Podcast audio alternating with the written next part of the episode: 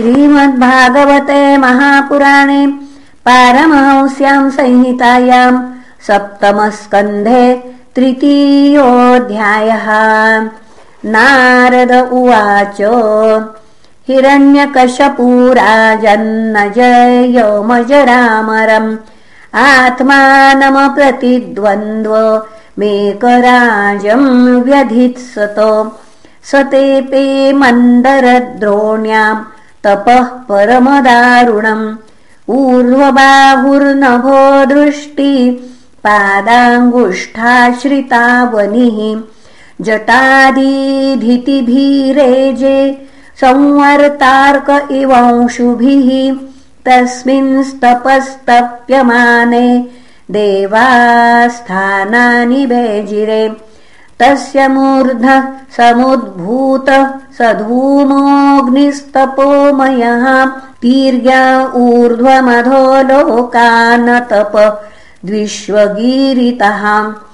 चक्षुर्नद्युदन्वन्तः सद्वीपाद्विश्च चालभूः।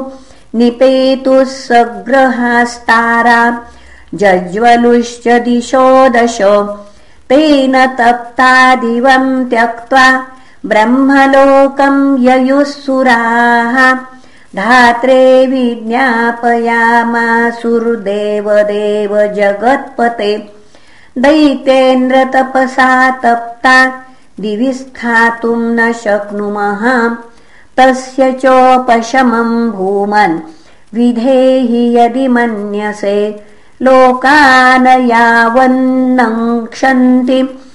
बलिहारास्तवाभिभूः तस्यायम् किल सङ्कल्पश्चरतो दुश्चरम् तपः श्रूयताम् किन्न विदितस्तवाथापि निवेदितः सृष्ट्वा चराचरमिदम् तपो योगसमाधिनाम् अध्यास्ते सर्वधिष्णेभ्य परमेष्ठी निजासनम् तदहम् वर्धमानेन तपो योगसमाधिनाम् कुकालानुत्मनोश्च नित्यत्वात् साधयिष्ये तथात्मनः अन्यथेदम् विधास्येऽहमयथा पूर्वमोजसाम्।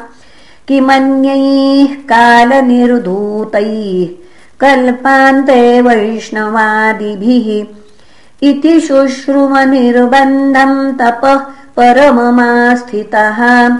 विधस्वारन्तरम् युक्तम् स्वयम् त्रिभुवनेश्वरः।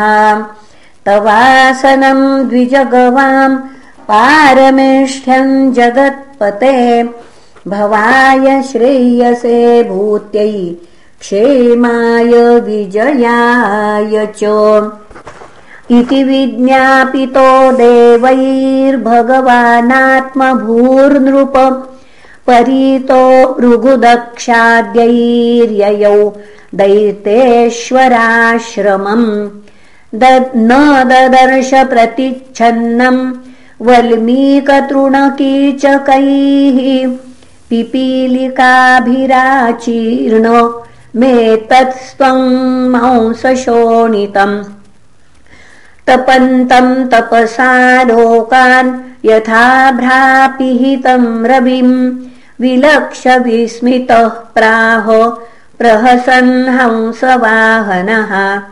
ब्रह्मोवाच उत्तिष्ठोत्तिष्ठ भद्रन्ते तपःसिद्धोऽसि काश्यपो वरदोऽहमनुप्राप्तो व्रियतामीप्सितो वरहाम्। अद्राक्षमहमेतत्ते हृत्सारम् महदद्भुतम्। दंशभक्षितदेहस्य प्राणाह्यस्थिषु शेरते।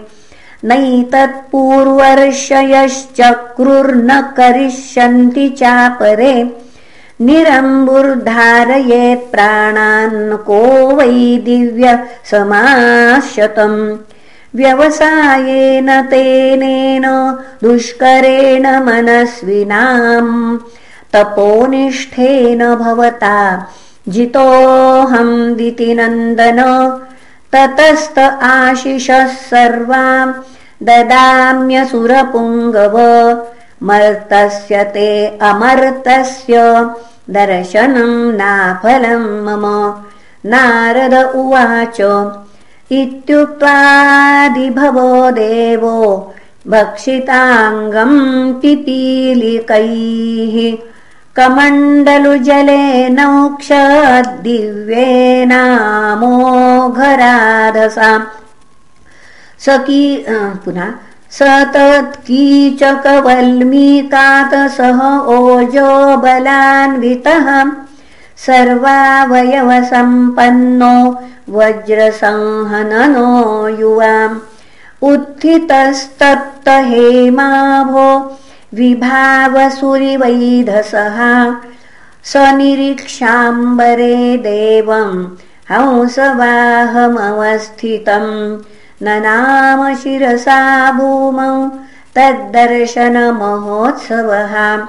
उत्थाय प्राञ्जलिः प्रौह ईक्षमाणो दृशा विभुम्। हर्षाश्रुपुलकोद्भेदो गिरागदगदया गृणात्।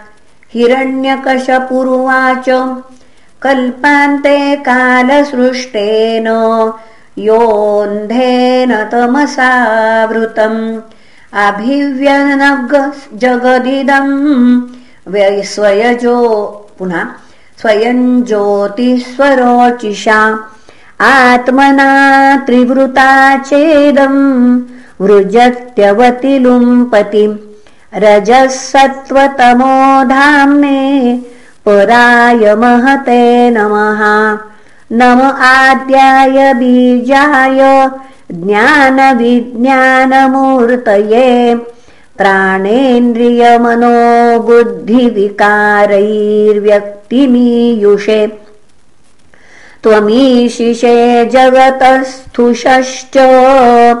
प्राणेन मुख्येन पतिः प्रजानाम्। चित्तस्य चित्तेर्मन इन्द्रियाणाम् पतिर्महान् भूतगुणाशयेषः त्वम् सप्ततन्तुन्वितनोषि तन्वा त्रय्या चातुर्होत्र कविद्यया च। त्वमेक आत्मात्मवतामनादीरनन्तपार कविरन्तरात्मा त्वमेव कालो निमिषो जनानामायुर्लवाद्या वय क्षिणोषि कूटस्थ आत्मा परमेष्ठ्यजो महास्त्वं जीवलोकस्य जीव आत्मा। त्वत्तः परं नापरमप्यनेजदेजश्च किञ्चिदव्यतिरिक्तमस्ति। विद्याः कलास्ते तनवश्च सर्वा। हिरण्यगर्भोऽसि बृहत्त्रिपृष्ठः। व्यक्तं विभो स्थूलमिदं शरीरम्।